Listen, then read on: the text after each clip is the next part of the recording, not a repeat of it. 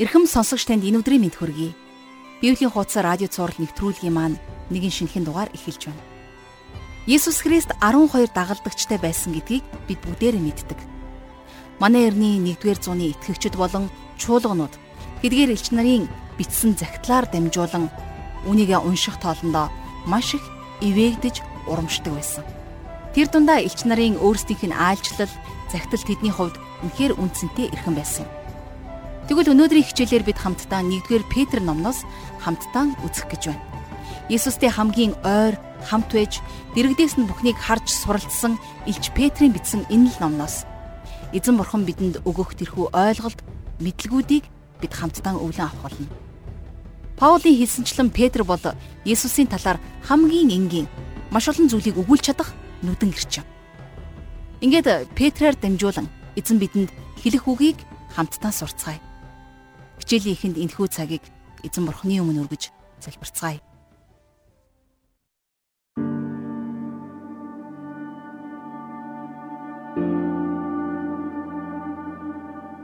Бурхан эзэн минь өдөр бүр бидэнд өгөгддөг таны гайхамшигтай үгийн төлөө баярлалаа аваа. Та бидэнд үгийн ойлголт болон эзнийг мэдэх мэдлэгийг та дүүргэж өгөөч. Иесус та сул дорой намайг Петр шиг таныг дагах тууштай байх тэрл итгэлийг ивэлийг өгөөч гэж гуйж байна. Амьдралынхаа туршид таны хайраас ургахгүй байхад туслаарай. Танд талархан Есүс Христийн нэрээр залбирanгуйж байна. Амен. Ингээд хамтдаа жаргалах шийчэлд анхаарлаа хандуулъя. За бид өнөөдрийнхөө хичээлээр та бүхэнтэй шинэ гэрээний нэгэн гайхалтай номнуудын нэг болох Петрийн загтлыг үзэх гэж байгаадаа баяртай байна. За энэхүү Петрийн захидал эхлэхдээ Есүс Христийн илч Петрээс төр сууршигч нарт гэж эхэлж байгаа. За энэ хэлж байгаа хүн бол Есүсийн дагалдагчдын нэг байсан Симон Петр юм. Тухайн үед Петрийг мэдлэг боловсралгүй загасчин гэж нэрлэдэг байсан ч гэсэн Есүс Христийн сургуульд 3 жил суралцсан тэрнийг мэдлэг боловсралгүй байх боломжгүй гэдгийг түүний бичсэн загтлууд нь баталдаг юм а. Ягд үг гэхээр Петр маш хүнд гүн гүнзгий сэдвтэй сургаалуудыг хөндөн ярьсан байгаа. Энэхүү загтлын эхний хідэн ишлүүдээр тэр бурхнаар сонгогдох ариусгал дуулууртай байдал Христийн цус гурвал бурхны нэгүүлсэл аврал илчлэл алдар итгэл найдварын талаар маш гайхамшигтай сургаалуудыг өгүүлсэн байна. Цөөн хитгэн ишлэлд ийм олон зүйлийг багтаасан өөр ишлэл Библиэлд тэр бүр байхгүй. Тэгэхээр эдгээр агуу сэдвүүдийг хөндсөн Петрийг мэдлэг боловсралгүй загасчин гэж хэлэхгүй гэж бодож байна. Эдгээр ишлэлүүдээс Петрийн өөрийнх нь амьдралд гарсан агуу өөрчлөлтүүд бас харагдаж байдаг. Петр түргэн зантай байсан болвол Христэд итгэж түүнийг дагсныхаа дараагаар түүний түргэн зан төвчээр болон өөрчлөгдсөн байна. Петр анх Есүстэй уулзахдаа болох бүдүүлэг энгийн нэгэн хүн байсан. Бидний эзэн Есүс Христ Петрт жухамдаа чи одоо маш сул дорой байна. Гэхдээ би чамайг Петрос буюу хадан хүн болгох болно. Чи хад болох Есүс Христийн суурин дээр баригдах болно гэж хувьчлан хэлж байсан. Харин Петр өөрөө Есүс Христ бол чуулган дээр нь баригддаг хад юма гэдгийг өөрийнхөө загталд маш тодорхой өгүүлсэн байна. Хэдийгээр Петр өөрөө хад гэдэг нэртэйч тэр бусад итгэгч нарыг иймд амьд чулуу мэд болсон та нарч сүнслэг байшин болон баригдах төөн гэж бяцхан хаднууд гэж нэрлсэн байдаг. Өөрөөр хэлэх юм бол бүх итгэгч хүнийг Петр амьд чулуу гэж нэрлсэн байна. Петрийн загтлаас харах юм бол Симон Петр хизээч өөрийгөө өргөмжилж байгаагүй. Тэр өөрийгөө илч гэж захиахаа эхэлсэн байдаг. Петр бол зүгээр л илч нарын нэг. А гисэн ч илч нарын нэрийг дурдахад тэрний нэр үргэлж ихэнд нь явж байдаг. Эзэн Есүс тэрнийг Пентекостийн өдрийн эхний номлолыг номлуулахаар сонгосон байдаг. А гисэн ч тэр өөрийгөө бусдаас илүү дээр гэж хизээж өргөмжилж байгаагүй. За Петр өөрийнхөө хоёр захидлыг манай эртний 64-өөс 67 онд буюу за Паулийн захидлын дараагаар бичсэн гэж үздэг. За энэ нь бол эзэн хаан цус Неро Ромын хаан ширээнд сууж чуулганы эсрэг хавчлаг аль хэдийнэ газар авсны дараагаар бичигдсэн гэсэн үг юм. За энэ утгаараа бол Петр өөрөө ч гэсэн маш их зовлон амссан байж таараа.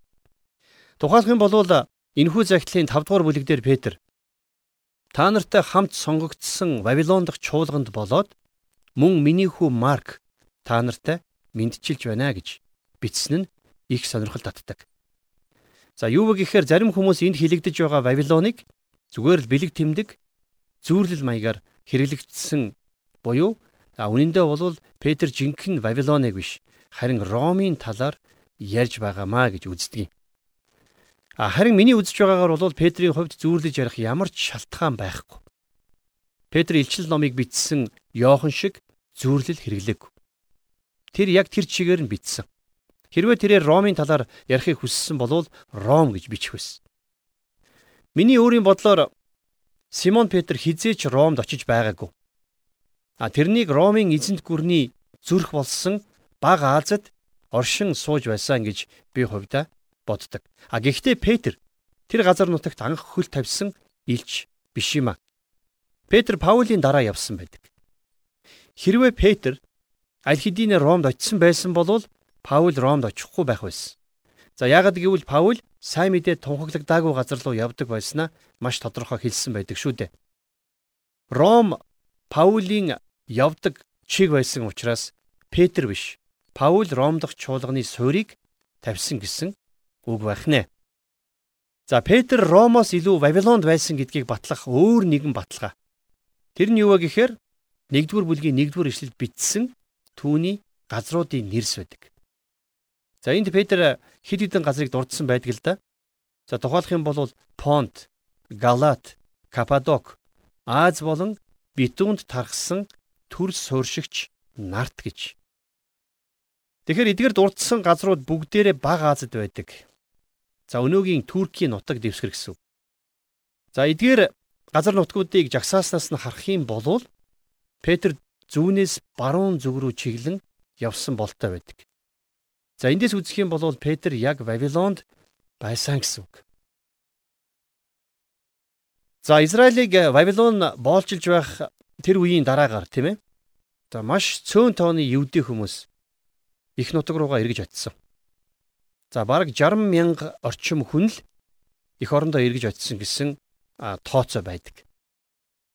За энэ хүү боолчлын дараач гисэн Вавилонд евдээчүүдийг маш олноор нь колончилж байсан. За мөн Ромын эзэнт хаан Клаудийн захиргаан дор хүнд хавчлага болж эхлэхэд евдээчүүд Вавилон руу зугатаасан байдаг. Жишээлх юм бол анхны итгэгчдийн нэг Акул Прискила хоёр Ромоос Коринт руу зугатаасныг бид нар бас Үйлс номноос уншдаг тийм ээ. За мөн өөр олон хүн Вавилон руу зугтаасан. Тэгэхээр хавчлага итгэгчид ч тэр евдээчүүдэд ч тэр хамтд нь тохиолдож байсан.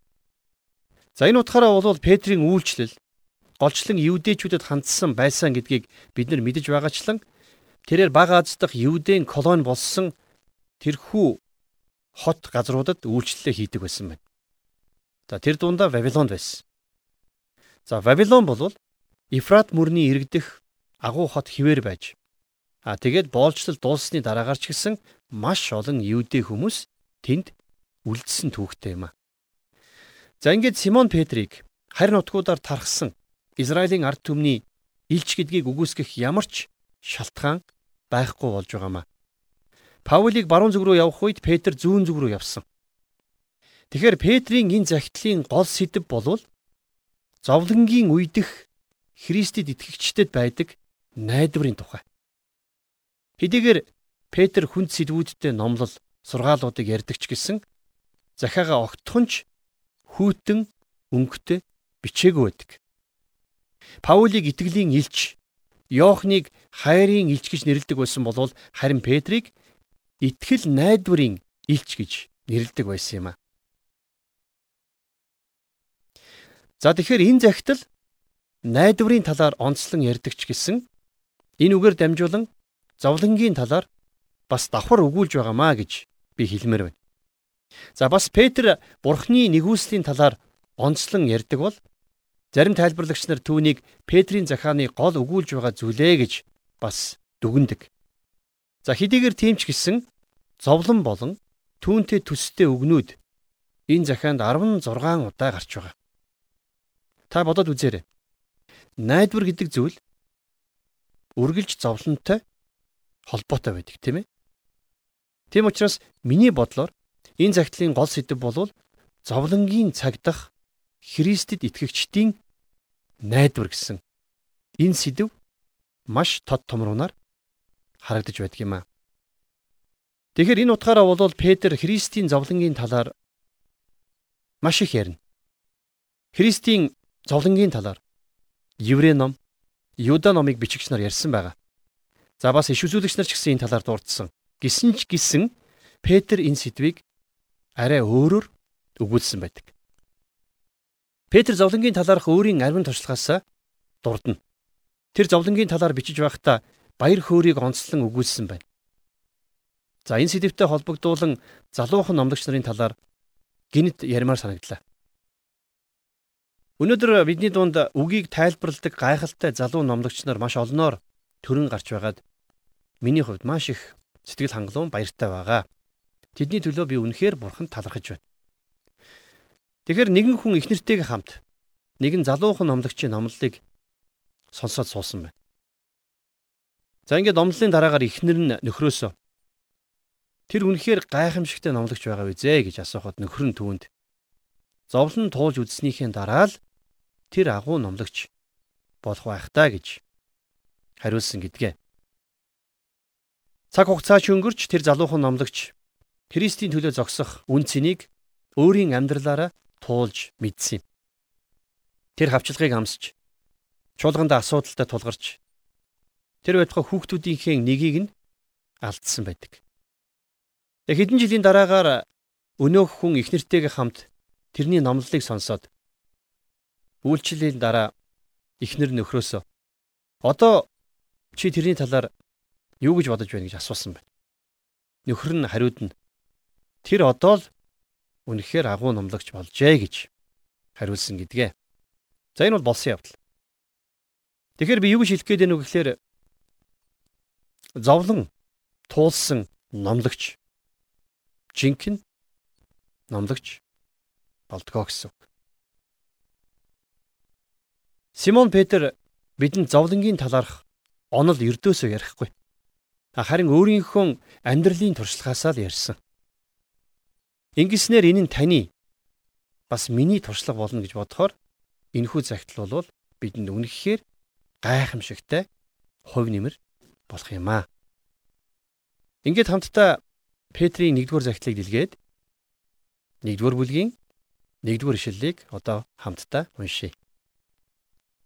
Есүс Христийн элч Петрэс Понт Галат Каппадок Аз болон Битүүнд тархсан төр суршигч нарт. За хамгийн эхлээд бүгдээрээ түүний нэрний талаар ярилцъя л д. Петр буюу Петрос гэдэг нэр болвол за грекээр чулуу гэсэн үг тийм ээ. Тэгэхээр түүний нэр болвол хад чулуу. А Пентекостийн өдөр Петр Христийн төлөө босож зогсох гэж юу болохыг өөрөө амсаж мэдэрсэн. Тэр баривчлагдсан. Тэр шоронд орсон. Петрийг занал хийлэн сүрдүүлж Петрч өөрийгөө загалмайд цовдлогдсон үхэхэж мэдэж байсан. Өөрөөр хэлэх юм бол Петр ярьж байгаа зүйлийнхээ талаар дэндүү сайн мэддэг нэгэн байсан. Пастороор ажиллаж үзээгүй мөртлөө теологийн семинар хийх гээд байдаг хүмүүс бол миний сэтгэлийг нээгч тийм их хөдөлгөөд байдаггүй. Тэд нар залуу хүмүүсийг үйлчлэл бэлдэхийн тулд зүгээр л онол ярддаг. Тэд нар пасторудад тулгардаг асуудлыг тэр болгон мэдэхгүй шүү дээ. Үнэн дээр бол тэдэнд өөрсдөд нь туулж өнгөрүүлсэн зовлон туршлага байхгүй. Тэгэхээр Христийн төлөө зовох гэж юу байдгийм бэ гэдгийг мдээгүй хүн бусдад Христийг дагалдахыг заана гэдэг бол үнэхээр боломжгүй гэсэн үг тийм ээ. Тим хүмүүсийн яриг сонссныхоо дараагаар бол би үргэлж 1-р Петрийг уншмаар санагддгийг. Яагаад үгүй вэ? Петр өөрийнхөө юу бичиж байгаагаа мэддэг байсан. Тэр өөрийнхөө бичсэн болгоныг өөрийн биеэр амссан. Тийм учраас бидний хувьд амьдралаараа туулж үзсэн туршлагатай хүмүүсээс үг сонсох нь илүү амттай байдаг юм а гэсэн үг. Есүс Христийн илч Петр гэж хэлж байгаагаараа тэр өөрийнхөө талаар тодорхойлт болгож ердөө ийм л зүйлийг дурдсан байна. Хэдийгээр Петр за миний бодлоор шүү. Илч нарын тэргүүн зогсдогч гисэн тэр өөрийгөө бусдаас илүү дээр гэж хизээж үздэггүй байсан. Тийм учраас тэр маш даруухнаар тэр илч байсан тэгээд л болоо. Илүү дутуу үггүй Илч Петр. Паул илч нартай зөвлөлдөхөөр Иерусалим хот руу явах үедээ Петр, Яаков, Йохан нартай уулзаж ярилцсан байдаг. Тэд нар өөрт нь чуулганы тулгуур баган мэд санагдж байсан талаар Паул бас бичсэн байгаа тийм ээ. А гэхдээ мэдээж Паул бол тэднээс анх сайн мэдээ сонсоогүй. Паул сайн мэдээг шууд Есүс Христээс илчилэлтээр хүлээж авсан гэдгээ маш тодорхой хэлсэн байна. За Петр хэд хэдэн газрын нэрийг дурссан байгаа тийм ээ. Понт, Галат, Каппадок, Аз болон Битүүнд тархсан төр сууршигч нарт гэж хэлсэн байна. За тэгэхээр Петр энд Ромын эзэнт гүрэн даяар тархсан.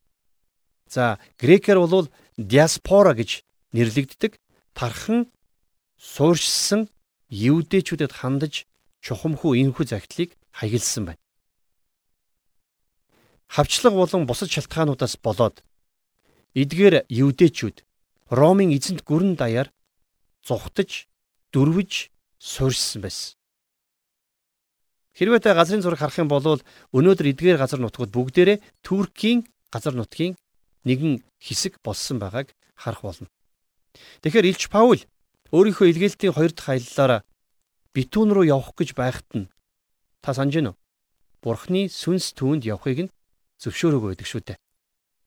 Тэр газарт аль хэдийнэ Симон Петр очиод сайн мэдээ ярьчихсан учраас ариун сүнс Паулийг тийш нь биш харин сайн мэдээ тунхаглагдаагүй өөр газарт явахыг ятгсан байна. Тэгэхээр тэр утгаараа Паул Евдэ бус буюу харь хүмүүсийн илч байсан болвол а Симон Петр Христ рүү иргэсэн евдээчүүдэд илгээгдсэн Есүс Христийн илч байсан юм аа. Тэм учраас л нэгдүгээр ишлэлдэр хэлсэнчлэн Есүс Христийн илч Петрес Понт, Галат, Каппадок, Аз болон Битүүнд тархсан төр сууршигч евдээчүүдэд хандан энэхүү загтал бичигдсэн байх нэ. За ингээд дараагийн хичээлээр эргээд уулзъя.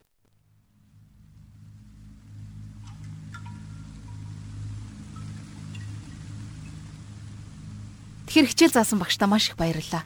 Бид өнөөдрийн хичээлээр хамтдаа 1-р Петр номын эхний хэсгийн талаар үзлээ. Хэдийгээр Есүсийг өөрийг нь Петр буюу хад гэсэн утгатайгаар нэрлсэн боловч анхааран Петр Христ итгэгч хүн бүр хад юмаа гэдгийг энэхүү загтлаараа бидэнд хэллээ. Мөн зовлонгийн цаг дах Христ итгэгчдийн найдварын талаар бидэнд илүү ихийг өгүүлэх болно гэдгийг ч гэсэн бидэнд сануулan хэллээ шүү дээ. Тэгэхээр дараа дараагийн хичээлээр бид хамтдаа зовлонгийн дундах Христ итгэлийн гайхамшигтай нууцудаас суралцах болно. Та магадгүй Библийг уншиж байхдаа тэнд бичигдсэн зарим хүмүүсийн талаар нэг бахархаж, нэг харамсаж, бас дургуутсан игдүүцэж би орондон л байсан бол хизээч ингэхгүй байсан гэж бүр дотор нь орон уншдаг байх. Тэгэхээр Петр бол чухам яг л тийм хүн юм. Ингээд өнөөдөр үтсэн хичээлийнхаа дагуу эзэн бурхандаа хандан талархан залбирцгаая. Бурхан эзэн минь таньдаа баярлалаа. Хадан суур болсон эзэн бурхан минь. Та биднийг өдрөөс өдөрт сүнслэг байшин болгон биднийг барьж байгуулаач гэж гуйж байна. Бидэнд тулгарч байгаа зовлон бидэнд найдварыг өгдөг гэдгийг ойлгуулж өгсөнд баярлалаа аваа. Эцсээ хүртэл төвчээртэй, тэсвэртэй байхад минь та хүч чадлыг сойрхоорой. Танд талархал магтаалыг өргөж эзэн Есүсийн нэрээр залбирanгуйж байна. Амен.